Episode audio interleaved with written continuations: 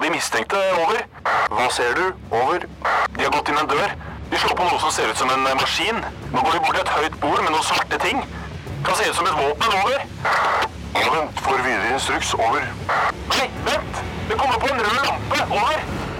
Røverradioen. Norsk fengselsradio. Når du havner i fengsel, så er det mye man er usikker på. Hvor lenge skal man være her? Hva venter meg på innsiden? Hvordan er folk der? Men hva hvis man er skeiv i tillegg? Mitt navn er Ole, jeg er her sammen med Christian i Oslo fengsel. Hallo, hallo. Hei sann. Du, eh, Christian. Det er nemlig sånn at homofile røvere han har snakket med, har fortalt at de frykter for livet sitt hvis de er åpent homofil. Det er helt sjukt. Så denne sendinga skal eh, først og fremst handle om menn, da kvinner er så heldige å slippe dette problemet. Eh, I hvert fall i den grad det er for homofile menn. Ja, vi skal høre hvordan det gikk da Røverradioen og Foreningen FRI arrangerte debatt på utsiden om skeive i fengsel. Stemmer. Og vi skal høre fra en som ikke er fri, men som er innsatt eh, her i fengselet i Oslo, og fortelle hvordan det er å være homofil bak murene. Og hvordan fengselet håndterer dette. Ja, og det blir interessant. Vi kjenner den begge to, så det skal bli veldig interessant å høre på. Stemmer. Ja. Skal vi kjøre på? Da kjører vi på. Kjør.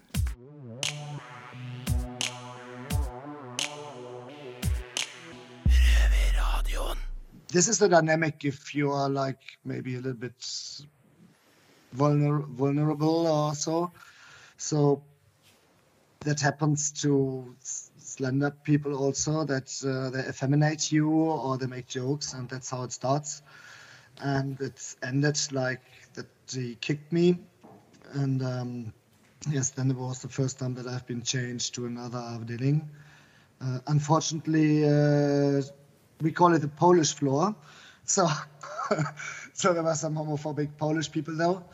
Um, and then I finally got to avdeling uh, B3. That's uh, the most uh, ruly avdeling and the nicest. And uh, they were very open-minded. So there I met also two other gay uh, inmates.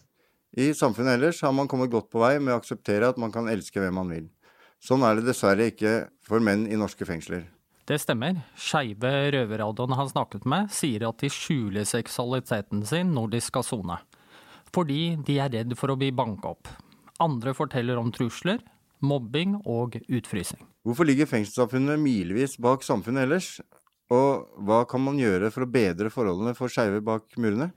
Eh, Det man kan gjøre, som vi har gjort her i Røver- Røverradioen, er i samarbeid med foreningen FRI, har vi arrangert en eh, Røverradioen-debatt, om du vil, om skeives forhold i fengsel på Litteraturhuset i Oslo. Hvem var i panelet, Kristian? Eh, jo, vi har videolink fra Eidsberg fengsel. Har vi tidligere røverkollega og venn eh, Dennis, som er eh, homofil og innsatt i fengselet der. Ja vel? Dennis er tysk statsborger, så han snakker engelsk. Ok. Eh, Vi har Nils eh, Finstad, fengselsleder i Oslo fengsel. Og vi har Hanne Inger Bjurstrøm, som er fra Likestillings- og diskrimineringsombudet. Ok. Elisabeth Stubberud, forsker ved NTNU. Og Elsa Schjong, leder eh, for Rosa kompetanse, justis i FRI. Ordstyrer er eh, røveren vår, Simen Iskariot Larsen. Jeg heter Simen Iskariot Larsen og begynte i Røverradioen som innsatt i Oslo fengsel i 2015. Da jeg ble satt inn, ble jeg sjokkert over holdningene til og sjargongen om homofile, som ble uttalt på avdelingene der inne. Da vi startet arbeidet med denne debatten, snakket jeg med en av Norges fremste fengselsforskere. Han sa at han aldri hadde møtt en åpen LHBTQ-person i et norsk fengsel. Forsker Elisabeth Stubberud har ikke forsket på skeive i fengsel, og det har heller ingen andre gjort. Det er jo masse folk i det landet her som sosiologiske forskere og masse forskjellig. Hvorfor har ingen forska på forholdene for skeive i fengsel? Er ikke det rart? Jo, det syns jeg er veldig rart. Så jeg er veldig glad for at dere tar opp eh, temaet i denne debatten, og at uh, kanskje det kan bli et uh, fokus på det. Jeg tenker at det, det er vel kanskje litt sånn med, med kjønn og seksualitet at det, det er litt berøringsangst. Eh, det så vi jo for altså, ja, Det ser vi ganske bredt i samfunnet. Jeg så det, jeg har snakka med, med ansatte på omsorgssenter og mottak. Der er berøringsangst blant ansatte. Eh, både fordi man ikke kan noe, men også fordi man kanskje er litt redd for å trå feil, redd for å snakke om kjønn og seksualitet på feil måter. Eh, og kanskje er det sånn blant forskere også at man er rett og slett litt uh, bekymra for å, å, ta i temaet. Fengselsleder Nils Finstad mener det ikke er farlig å være homofil bak murene. Dennis sier at han er blitt utsatt for vold. Det, du har vært i fengselsvesenet en stund. Er det farlig å være skeiv i et norsk fengsel?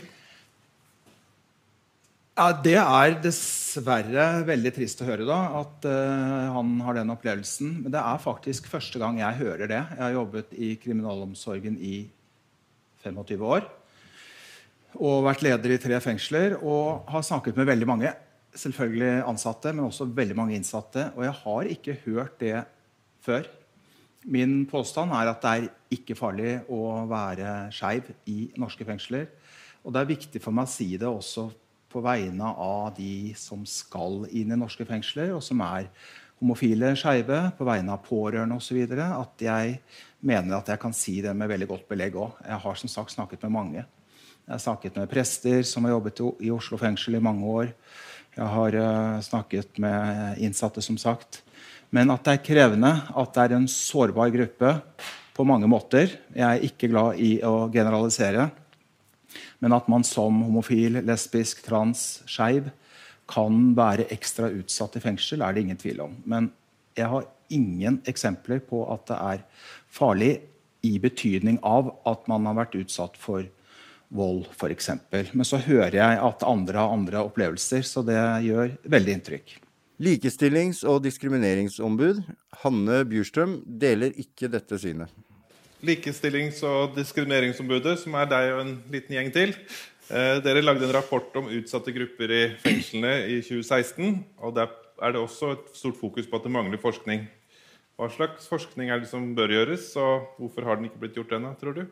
Ja, altså Det vi gjorde, var jo ikke forskning, det er helt riktig. Vi gjorde en undersøkelse hvor vi snakket med bl.a. representanter for kriminalomsorgen, fagforeninger, FRI og andre organisasjoner på feltet. Og basert på det så fikk vi et inntrykk av på en måte hvordan situasjonen var. Og vårt inntrykk var nok ikke like godt som det eh, som du som fengselsdirektøren eh, eh, formidler. Vårt inntrykk var at eh, at man følte seg utsatt og man følte seg utrygg. Og at det resulterte i at mange isolerte seg. Eh, sånn at man fikk en gruppe fanger som ble mer isolert enn andre. Og kanskje, som også programlederen var inne på, ikke, eh, ikke var, var, var, åpen utad. Og derfor kanskje unngikk eh, å bli utsatt for, for, for hets, hat, trusler. Men altså ikke fikk være seg sjæl. Dennis, som vi hørte i starten av dette innslaget, er den eneste som er åpent homofil i Eidsberg fengsel, men han vet om flere. På spørsmål om det foregår sex mellom innsatte, vil han ikke bekrefte dette fordi han er redd for sanksjoner fra fengselet. Uh, so I don't want to risk to get a report. But uh, what I can say is that, uh, of course, there are romantic uh, relationships and uh, and uh, things like this. And um, I've heard of this also here. I don't know if it was a rumor. Um, I was also in love with somebody for a while, um, but you know this thing. You are absolutely supervised, so uh, there are cameras, and you cannot close the door, and so there is actually not really space for privacy. And uh, if they do something, they have just to take a spontaneous opportunity. Det hender at innsatte har sex med hverandre i fengsel, selv om det ikke er lov. Problemet er at det er heller ikke lov med kondomer, noe som øker faren for seksuelt overførbare sykdommer. I've been told that they don't want condoms in the prison because people use it to uh, bring uh, drugs or something. I think this is uh, made up because they can just use gloves or if it comes in, that comes in their own ways. And uh, so condoms are not allowed from the Helse. I get uh, denied since two years to get a condom. And uh, PrEP Cure uh, also have been denied.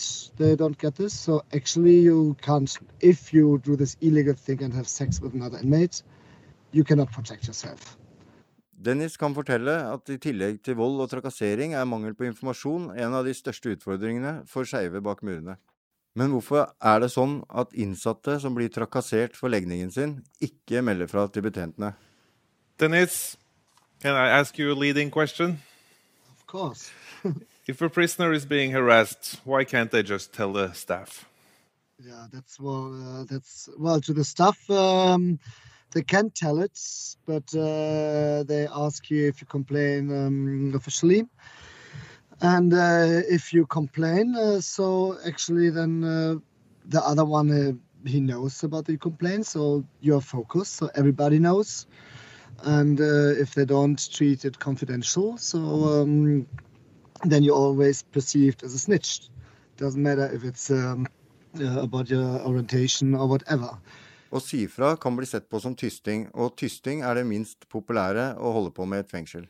I, I want to go back what um, from LDO um, Hanna Hanna said.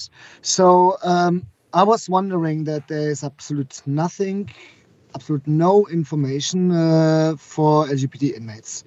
So there is no recordings, um, no contact number, no advocacy, so nothing. So I didn't even know if I can talk with uh, Betjent about this uh, thing.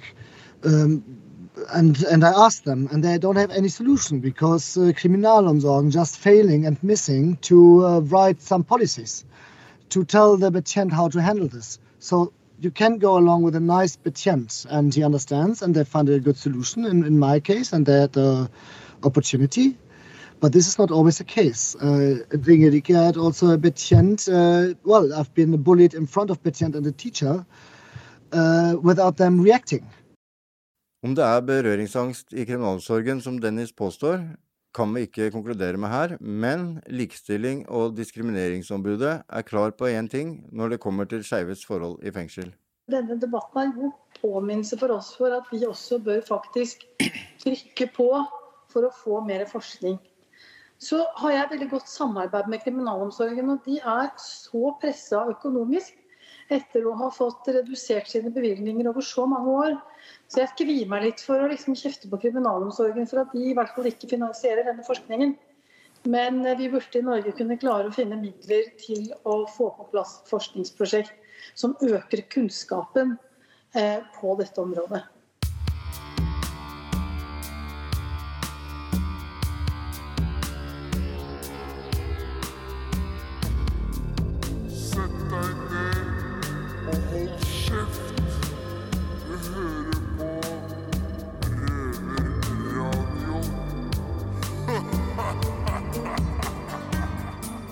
Hvis du som hører på nå fikk lyst til å høre på hele debatten, så er den gratis tilgjengelig på Røverradioens YouTube-kanal. Og det er dritfett. Vi skal straks sette over til et annet fengsel, for eh, Røverradioen har hatt et prosjekt for å, forbedre den seksuelle helsen til innsatte. For det er jo viktig for eh, rehabiliteringen, ikke sant? Det er det. Så da setter vi over til Halden fengsel, hvor en, eh, en av gutta der har blitt så inspirert av prosjektet at han sa han ville stille til intervju.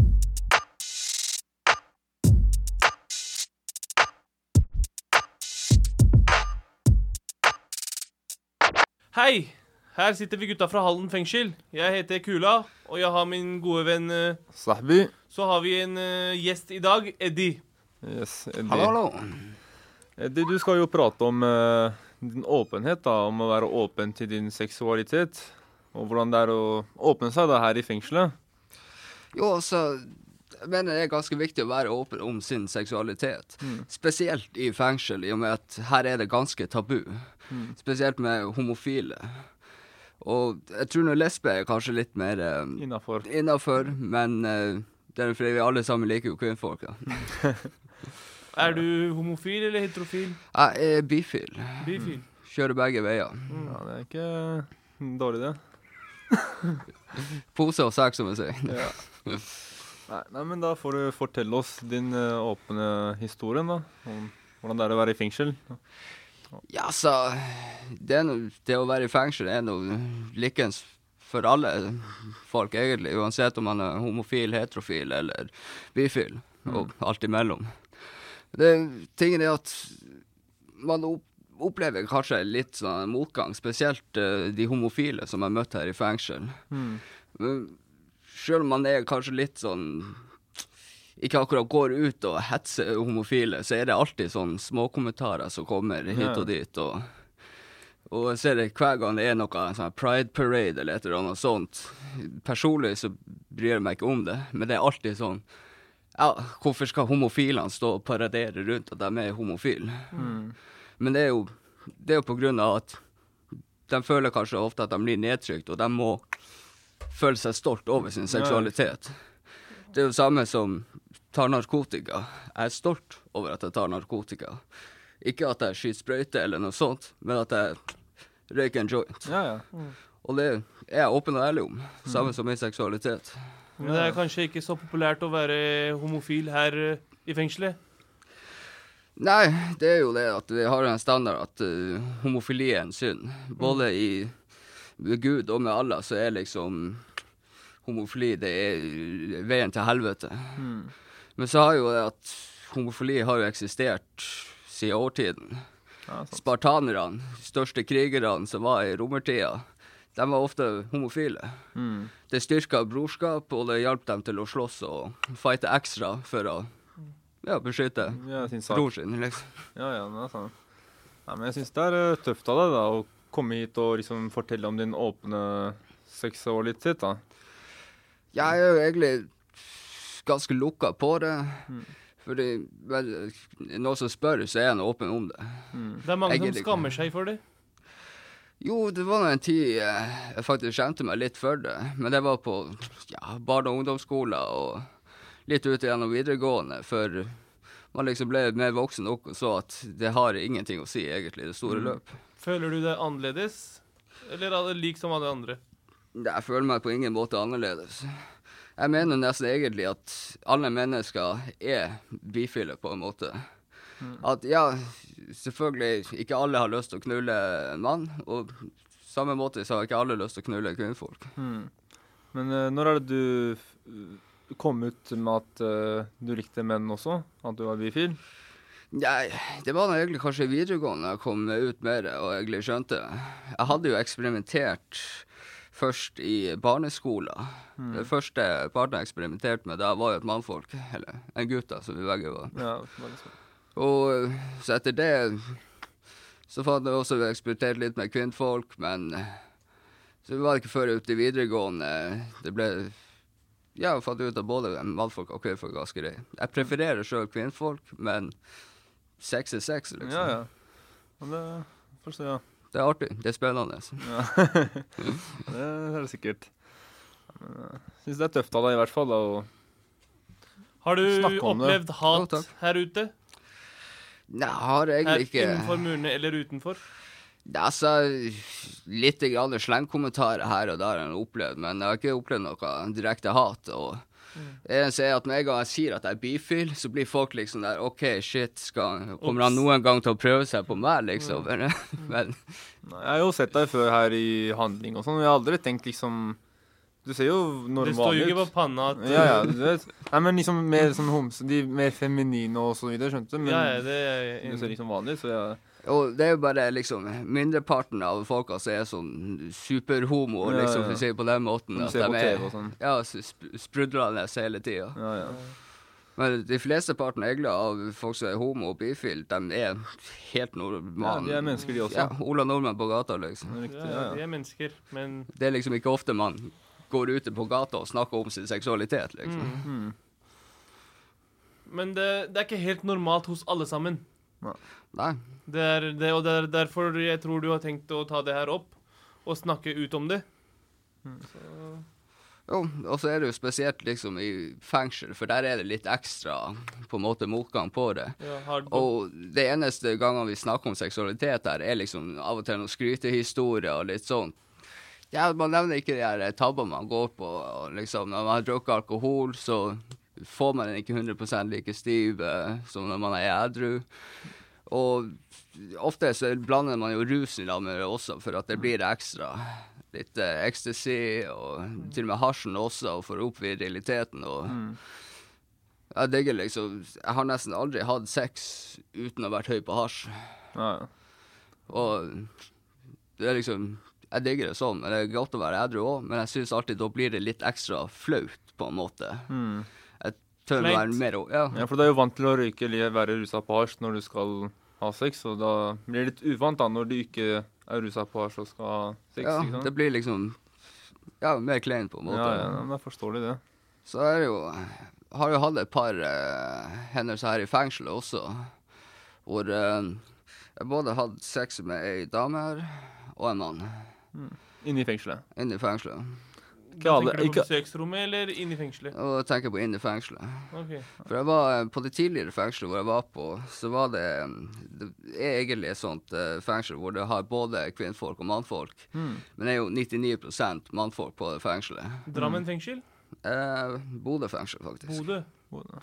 Og der har det vært, i løpet av de tre årene jeg var der, så har det vært eh, ja, fire kvinnfolk gjennom. Og eh, et par av dem har jo vært eh, veldig pene. Alt blir pent inne i fengselet, vet du. Ja, ja, det blir det. Ja, ja. Hvorfor mener du at det er viktig å snakke om sin seksualitet, Eddie? Jo, jeg mener det er ganske viktig, for at eh, vi alle sammen har følelser. Og sjøl om jeg syns det her er dritflaut å snakke om, så er det viktig å få uttrykt dem. Hvis Mm. ikke så stenger man det inne, så kan det hende man skjemmer seg over sin seksualitet, og det skal man absolutt ikke gjøre. Man skal ikke skjemme seg. Hvorfor er det flaut? Jo, for det Uansett om jeg er åpen om det, så er det alltid litt grann sånn tabu å snakke om, og det er, det er flaut og man har litt flaue erfaringer, og det er liksom litt vanskelig å snakke om. Derfor er det viktig å få ut sine følelser og snakke ut om sin seksualitet her inne i fengselet. Om du er heterofil, bifil eller homofil, snakk om det, få det ut. Ja, Det var veldig tøft å stå fram, syns jeg. Ja, det syns jeg også. Håper at det gjør at flere tør å komme ut av skapet. Ja, det får vi håpe på. Men nå kommer snart gjester, Ole, så da tenker jeg du kan gå og spise en banan eller et eller annet. Allerede halvveis. Det er mange myter om hvordan det er å være homofil i fengsel. Men hvor mye av det er sant? Mitt navn er Christian, og jeg står her sammen med Eirik. Hallo, hallo. Og fengselsleder her i Oslo fengsel, Nils Leiel Finstad. Som, hei. Som deltok på debatten du akkurat hørte. Velkommen til dere begge. Takk for det. Ehm, Eirik, vi, vi sleit jo litt med å få tak i noen som ville prate åpent om dette. Ehm, hvorfor tror du folk syns det er så skummelt? Det har vel litt med stereotypene som man møter i fengselet, da. Man uh, tenker veldig ofte at uh, det er den machokulturen som man møter, og man kan jo dra paralleller til det i det virkelige livet òg. Jeg sammenligner veldig ofte med fotballmiljøet i, i Norge, f.eks. Ingen åpne homofile som har stått fram i topp- topp eliteserien da i Norge, eller førstedivisjon, mens på kvinnesida er det veldig ofte det. Så der tenker jeg det er litt mer naturlig å komme fram mot det. Mm. Eh, Nils, eh, du har jo marsjert foran i Oslo Pride-parade i fengselsuniform. Eh, hvorfor var det viktig for deg? Eller hvorfor er det viktig for deg?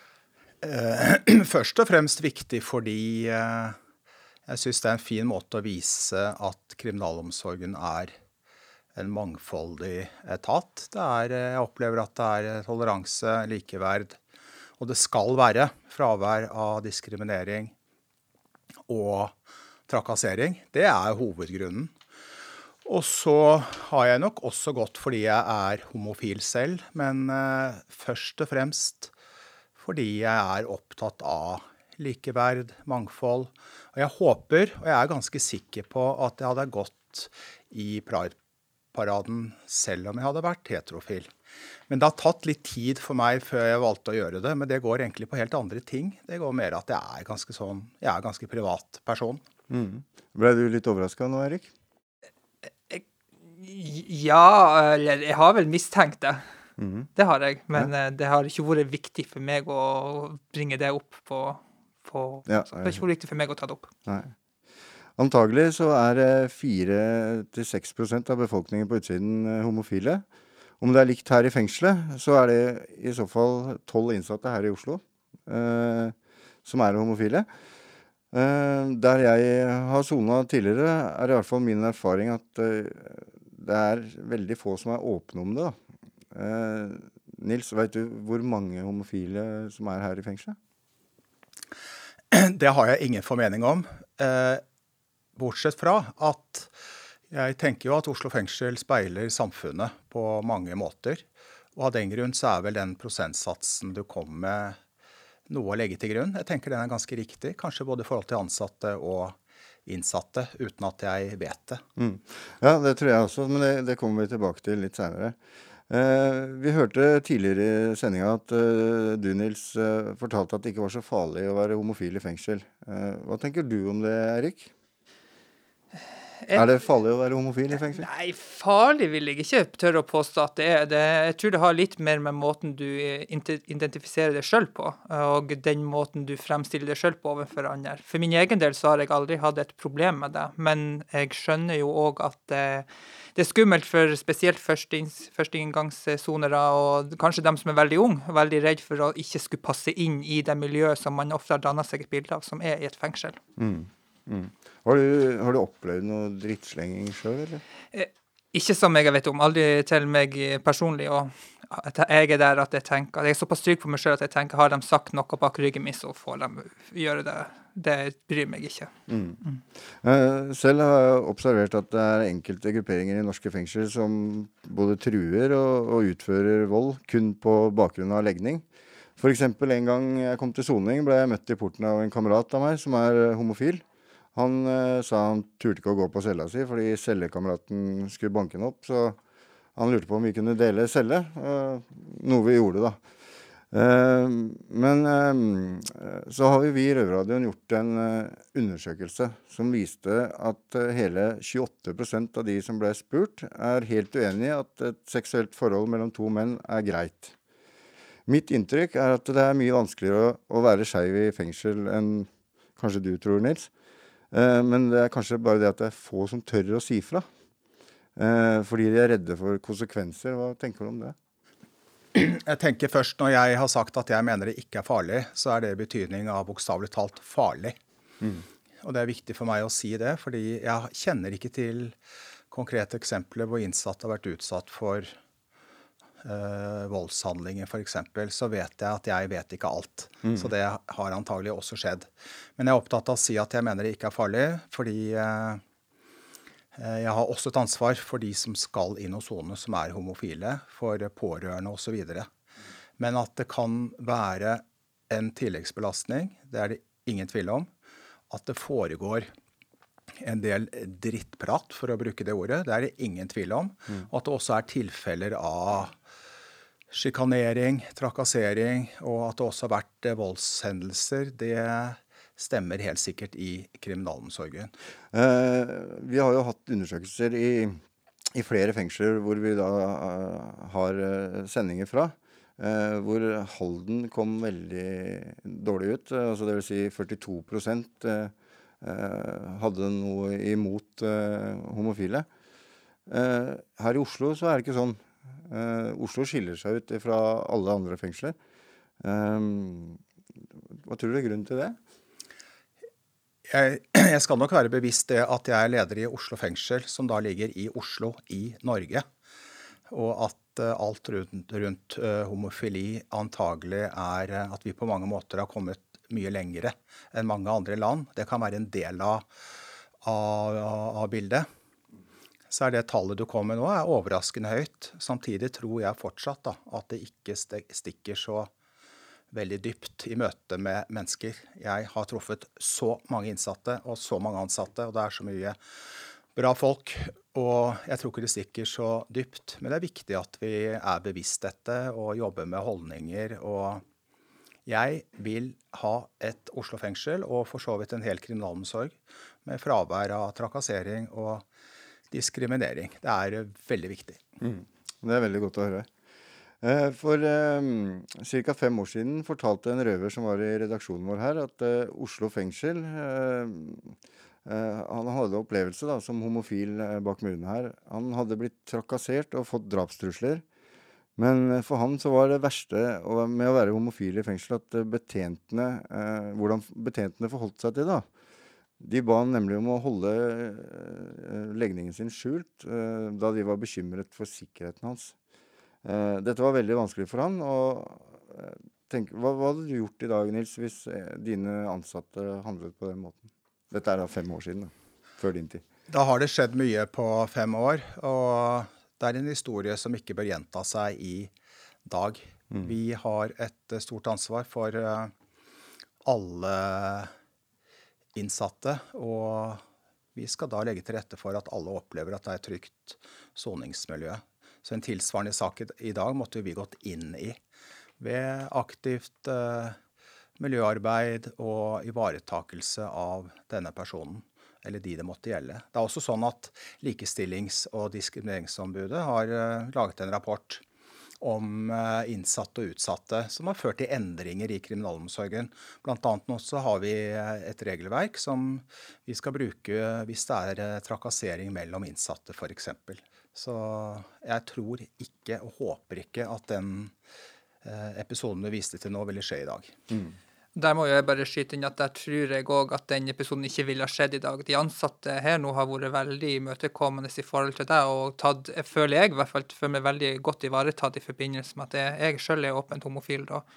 Og det jeg tenker det at eh, De har kanskje lært av den episoden, men jeg tenker det at de aller fleste ansatte her har virkelig eh, virkelig eh, tenkt at de eh, skal imøtekomme de eventuelle behovene man har som homofil. Jeg vet andre åpent homofiler òg føler seg veldig godt ivaretatt, så der tror jeg eh, om det er du alene, Nils, som står for det, det vet jeg ikke, men dere har i hvert fall gjort en veldig god jobb i forhold til det. Jeg tenker at eh, siden du, Nils, eh, står fram som homofil, gjør det lettere å være homofil her i Oslo fengsel? For det første vil jeg ikke si at jeg står fram. Jeg fortalte at jeg var homofil til mine foreldre og venner da jeg var 20 år. Det er 36 år siden. Okay, ja. Og har for så vidt vært våpen siden det, men jeg er en ganske privat person. Eh, nok om det. Jeg tror at det kan bety litt at jeg er opptatt av å signalisere det. At jeg er opptatt av mangfold, av toleranse, av inkludering, og at eh, diskriminering og trakassering, uansett hvorfor, på en måte er det verste jeg veit. Og det tror jeg sakte, men sikkert ansatte i Oslo fengsel nå får med seg. Men jeg er ikke sikker på om det fører til så stor endring, fordi det er altså veldig mye bra folk som jobber her. Det er moderne ansatte med eh, som er opptatt av det samme som meg. Så, så det er ikke noe krasj mellom meg og ansatte i Oslo fengsel overhodet. Mm. Men kanskje at vi sammen da drar i riktig retning. Og så tror jeg at jeg skal erkjenne at det er litt lettere i Oslo. Det er litt lettere i Oslo by i Norge enn kanskje på et lite sted i Norge. Men så er det også krevende her. Det er jo innsatte fra eh, mange land, også fra kulturer hvor forholdet til homofili er helt annerledes. Og at det kan bli noen krasjer der, også i Oslo fengsel, det er, det er det ingen tvil om. Men igjen, hvis vi jobber med mangfold, tør å snakke om dette, og som jeg tror er veldig viktig i den norske modellen i fengsler, at ansatte er til stede i fellesskapet. Og at vi slår ned på eh, uakseptabel atferd, også eh, rent verbalt. Hva man sier til hverandre. Og jeg har lyst til å si en ting som er, også er viktig for meg, og det er jo at jeg stiller krav til mine kollegaer og til eh, meg selv, men også til innsatte. Innsatte har et enormt medansvar for hverandres ve og vel. Og det er vel sånn da, at kanskje både innsatte og homofile og mange andre blir møtt med fordommer. Og det er kanskje først og fremst vi da som skal tenke oss om før vi møter andre med fordommer. Så jeg er opptatt av at de skal være bevisst dette, da. Mm. Jeg tenkte litt sånn, eh, Siden de andre fengsla kom så veldig eh, dårlig ut, da. Så jeg tenkte litt sånn at Oslo er liksom hovedstaden. eh, altså, eh, Homofili er jo ikke fremmed i Oslo. Altså, det, det er jo en akseptabel eh, Ikke sant? Det er mange år siden det nesten var populært å, å være homofil. da. At det kanskje gjenspeiler seg litt i fengselet, i og med at det er kanskje mest Oslo-folk og sånn som kommer inn her. da. At de, f.eks. Halden, da, har mye utenlandske som, som du sier, har i religion eller hva det måtte være i hjemlandet, og at det gjør ting litt vanskeligere. Jeg tror det kan være noe i det, og kanskje man egentlig har de samme holdningene inni seg, men man har, lever i samfunn hvor det er eh, et annet eh, klima, da. For jeg tror jo fortsatt at det som kommer av f.eks. For, for å bruke dette skjellsordet, altså homo, som fortsatt er et skjellsord i norske skolegårder i dag, det stikker ikke så dypt. Det betyr ikke at det er bra, det er ikke bra å si det, men det stikker ikke så dypt. Og det tror jeg kan være litt det samme i, i et fengsel. Og det blir en sjargong eh, som forsterkes, en del, eh, som jeg sa, drittprat, ukvemsord. Veldig ugreit. Men eh, eh, Og dessverre, da, et annet tilfelle med alvorlig trakassering og voldshandlinger som vi absolutt ikke aksepterer. Selvsagt. Der må jeg si at uh, jeg tenker at jeg har møtt Jeg hadde litt den tankegangen med at uh, folk fra en annen religion eller andre land uh, kunne være litt mer fin- finstilt til det, være, for nettopp fordi man har den religionen, men det føler jeg ikke jeg treffer her i Oslo fengsel, altså. Mm. Det er folk som er mye yngre enn meg, som har en annen religion enn meg, og jeg. Vi går veldig fint over, har gode samtaler. På tross av at vi kanskje har ulikt syn på hvordan hvordan man ser på det å være homofili er, men eh, det går fortsatt an å ha en samtale med dem og øh, være kompiser under soning, altså. Og det tror jeg er viktig òg å ta med seg, at det faktisk det går an. Og det, det er litt som man er inne på, at vi er i Oslo så er det kanskje den metropolen som er i, eh, i Norge, og det gjenspeiler seg virkelig i de forholdet til de innsatte, altså, Det mener jeg. jeg. Og det Eirik sier nå, tror jeg er veldig riktig og, og, og viktig. Men det, er så mange nyanser. Men jeg tror jo også at i et samfunn som et fengsel er, med både mange innsatte som er erfarne, og ansatte som er erfarne i fengselssammenheng, har også veldig mye menneskekunnskap og, og klokskap med seg. da. Jeg har snakket ganske mye med to prester i Oslo fengsel som har jobbet her i mange mange år, og snakket med veldig mange innsatte. Og de bekrefter mye av det jeg sier, og at det store bildet da, er at de som er homofile i Oslo fengsel, som de har snakket med opp gjennom årene, stort sett det bra. Men at mange, dessverre, og det jeg er kanskje mest opptatt av eh, å formidle, da, det er jo at de som går inn i en selvisolering fordi de frykter å bli eh, trakassert, frykter å bli eh, utsatt for vold, frykter å ikke bli inkludert og syns det hele er vanskelig, og går inn i en selvisolering av den grunn, det er alvorlig. Og det er jeg redd er litt flere enn jeg egentlig aner. Så det, det bekymrer meg. Og der Så- tror jeg Oslo fengsel har noe å jobbe med, helt klart. At, det, er, at det, er, det er store mørke tall der som gjør at man, mange driver med selvisolering. Eh, og jeg har truffet flere som gjør nettopp det, og som fortsatt gjør det. Og det er jo med frykt for at man skal bli møtt med den machokulturen som man har innbilt seg at eh, det er i Oslo fengsel, og kanskje i andre fengsel òg. Og der tror jeg man absolutt har en jobb å gjøre i forhold til å kunne trygge en person som enten er åpent homofil eller bifil, eller hva det måtte være, men eller, eller dem som er usikre på sin seksuelle legning, da. At man faktisk kan eh, imøtekomme dem bedre. For der tror jeg det virkelig det er en jobb å gjøre for, for Oslo fengsel. Mm. Han Dennis eh, i debatten som var tidligere i programmet, han nevnte noe om at eh, han savna at det ikke var noen kontaktpunkter noe sted for homofile i fengsel. Er det noe du har tenkt på etter den debatten her? Egentlig ikke. Og det er litt fordi at jeg er opptatt av at vi er mennesker, eh, individer. Og at det er viktig at vi har kontaktpunkter, og at vi sammen gjør fengselshverdagen best mulig. Men at man, at man skal bruke legning som en måte å dele inn på, jeg, jeg er ikke så veldig begeistret for det. Jeg syns det er litt unaturlig. Litt Men jeg tror det er veldig viktig at vi i Oslo fengsel kanskje skal gire litt om og, i hele kriminalomsorgen, og ikke være litt bevisst at vi skal ikke tro at en ny innsatt f.eks. er eh, heterofil. Det er lett å tenke sånn for oss alle, for det er nå engang sånn at det er flertallet. Det er viktig. Og det er jeg kanskje mer opptatt av enn mange andre. Der har Nils et kjempeviktig poeng. Det er det at jeg tror det å skal lage en plattform der andre homofile skal møtes, har kanskje jobber litt mot sin egen hensikt. Jeg tror det kan være med på å stigmatisere faktisk mer mot dem som kanskje har et problem med, med homofile.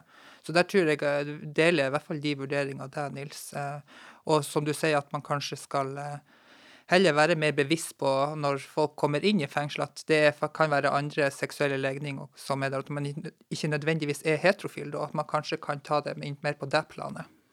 Så har vi et eh, et litt, eh, jeg, et litt annet perspektiv også i forhold til f.eks. homofili, men mye annet òg. Det er jo at mange unge innsatte i Oslo fengsel som skal løslates, som kanskje slenger med kjeften av og til.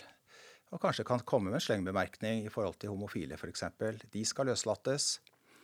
Hvis en er 20-22 år f.eks. i Oslo fengsel, hvis han skal greie seg ute, kanskje han vil få seg en dame f.eks., så skal det være Vi blir løslate moderne mennesker. Mm. Og da må du henge litt med, og da bør du snakke også homofile opp. Ellers så Du finner ikke en ung, moderne jente i Oslo i dag som syns det er noe kult å si jævla homo, f.eks. Det er litt ute på dato. Men, men tror du ikke Nå spør jeg kanskje deg, da, Erik. Men tror du ikke at det er kanskje mange som kanskje er litt i tvil på seg sjøl, kanskje går litt sånn forsvarsmodus eh, når man kommer i fengsel? Det tror jeg helt klart at de fordi man er redd, da? Ja, om det er for man er redd, eller for man kanskje er ukomfortabel med å skal snakke om sin seksuelle legning, eh, eller som er i tvil om sin seksuelle legning, så tror jeg mer at man heller vil være en del av majoriteten av de innsatte som man vet er heterofile. Så tror jeg at det, man gjør det i affekt av at man ønsker å være en del av majoriteten, og at man derfor velger å ikke snakke om sin seksuelle legning. Men også i undersøkelsen som vi så, så er det jo ganske mange, mange som skulle ønske at de hadde snakka om sin seksuell, seksualitet og seksuell helse, som ikke har gjort det. Mm. Eh, Det ser du med at det var 20% som hadde som hadde snakka om sin seksuelle helse med, med en ansatt, men det var 37% som hadde ønska eller eller visste ikke om de ønska å prate om seksuell helse. Og Der tror jeg det er viktig at man kanskje må finne plattformer man kan snakke om det uten at man skal dele det opp i å være heterofil eller homofil, men at man kan få en felles plattform der man kan prate om det om man ønsker det. Mm. Etter å ha sett den undersøkelsen, så er du kanskje glad du sitter i Oslo fengsel? For min egen del så er jeg ganske trygg på meg sjøl, og jeg føler at eh, det er ganske likt å være homofil ute som å være homofil her. Så for meg så er Selvfølgelig, man skal ikke Jeg tenker at jeg er meg sjøl uansett, og er ganske trygg i min posisjon. Og, men for andre som kanskje er usikre på det, så tror jeg nok at mange som pref, ville ha preferert å være her i Oslo, ja, for det er såpass akseptabelt. Mm. Nei, men jeg tenker sånn, Når vi gir, gir respekt, så får du respekt. Det er jo noe Ja, egentlig så enkelt. Og det, jeg syns jeg opplever det i Oslo fengsel eh, mellom eh, Det er i hvert fall mitt bilde da, mellom innsatte og ansatte. Og det er vel litt det vi var inne på her i sted også, at Og jeg syns jo egentlig mye av det vi har snakket om nå, er jo likt ute. Det er ikke så lett eh, alltid å være homofil ute heller. Kanskje lettere i Oslo. Det kan være noen miljøer eh, hvor det er mindre kjennskap, mindre kunnskap. Man kjenner færre. Og da blir det jo ofte også det mer grobunn for fordommer. da, At man dømmer før man f.eks. blir kjent med noen. Mm. Og det gjelder jo innsatte. Mange innsatte blir jo møtt med fordommer helt til man møter innsatte og ser at det er eh, stort sett veldig bra folk. Så har man fordommer helt til man blir kjent med homofile og ser at det er stort sett bra folk. Ja, det er ikke noe forskjell. Nei, og jeg tror det er veldig viktig at du løfter frem også det. Jeg tror at um, mange som kanskje har fordommer i det øyeblikket man kommer inn her, nettopp som du sier, fordi man ikke er møtt med det ute, så får man et annet syn på det. Det opp- opplever i hvert fall jeg personlig. At m- man tenker at eh, det er litt skummelt, men så ser man at det her er en OK person, og man kan prate ærlig og redelig med dem og ha en normal samtale. Så tenker man at det er kule folk, og da er ikke legning så veldig viktig, egentlig. Og så er vel det meste ganske likt. Mm. Eller jeg vil jo si at det meste er likt. Når man sitter i fengsel, det er isolasjon, det er fravær av eh, sitt vanlige liv, av sine venner. Kanskje man har kjæreste, ektefelle, barn, hund, jobb. Det er fravær av alt det som er det man har til felles. Mm. Og så har man det til felles å gjør det beste ut av en krevende hverdag. Og jeg igjen opplever at de fleste er eh, med på det, at det er viktig. Ville hverandre vel. Og det gjelder like mye ansatte. Og ansatte i Oslo fengsel har et åpent sinn. Og samtidig skal vi bygge en kultur sakte, men sikkert. Fordi ting ligger i alle institusjoner, så ligger også ting i, i veggene. At vi skal eh, være bevisst det vi snakket om i sted. Dette å f.eks. ikke ta for gitt at alle er heterofile. Det, og det kan jo hjelpe litt at jeg har den jobben jeg har i Oslo fengsel. Så skal vi aldri heller ta for gitt å tenke at det er vanskelig å være homofil i fengsel heller. Det er mange ressurssterke eh, som greier seg aldeles bra. Noen velger å, å, å være tause om det. Andre er åpne. Og jeg er vel mest opptatt av sårbare grupper i fengsel. Som ikke trenger å ha noe med f.eks. det å være homofil å gjøre. eh, Selvfølgelig. Jeg er opptatt av transpersoner i fengsel. Det er en veldig liten gruppe, men eh, en veldig sårbar gruppe som er, har vært behandlet uh, ganske ugreit av kriminalomsorgen. Rett og slett ikke for, annen, av annen grunn enn at vi har hatt mangel på kunnskap. Vi har tenkt inntil relativt nylig tenkt veldig sånn enten skal man i manns- eller kvinnefengsel, avhengig av eh, det juridiske kjønnet. Punktum. Og så har vi gjennom ikke minst Likestillings- og diskrimineringsombudet de siste tre årene begynt å tenke nytt. Og det, er, eh, det har ført til store endringer også i Oslo fengsel, som er veldig, veldig bra. Absolutt, og jeg tror jo da at det, man kommer videre etter hvert som aksepten blir større ute i samfunnet òg. Jeg tror at man følger ganske slavisk det som skjer ute i samfunnet, som vi har vært inne på. at man, Samfunnet ute gjenspeiles veldig fint her i Oslo fengsel, mener jeg. Og jeg tenker da at man eh, man, blir, man, eh, man skal ikke tenke at alt er forferdelig her i Oslo fengsel, for det er det absolutt ikke. Nei, langt Men, ifra. men jeg tror også det er viktig at man tenker at man kan, ting kan forbedres, og det tror jeg absolutt eh, Nils og de ansatte blir litt mer bevisst på gjennom denne debatten. Mm. Når det er sagt, da, så syns jeg du, Nils, gjør en veldig bra jobb. Eh, ikke noe sånn der smisking her, men eh, du, du tar deg virkelig tid til folk og hører problemer og, og prøver å gjøre noe med det. Og det setter jeg veldig stor pris på. Um, men er det noe dere ønsker å si hvis det er en eh, homofil innsatt der ute som hører på nå? For hvis jeg skulle ha prata til noen, så har det vel med det at det er ikke så skummelt som man tenker. Eh, Det er veldig lett å lage seg en, en verden og en type reaksjon fra folk fordi at man, man tenker at det er denne machokulturen som dominerer.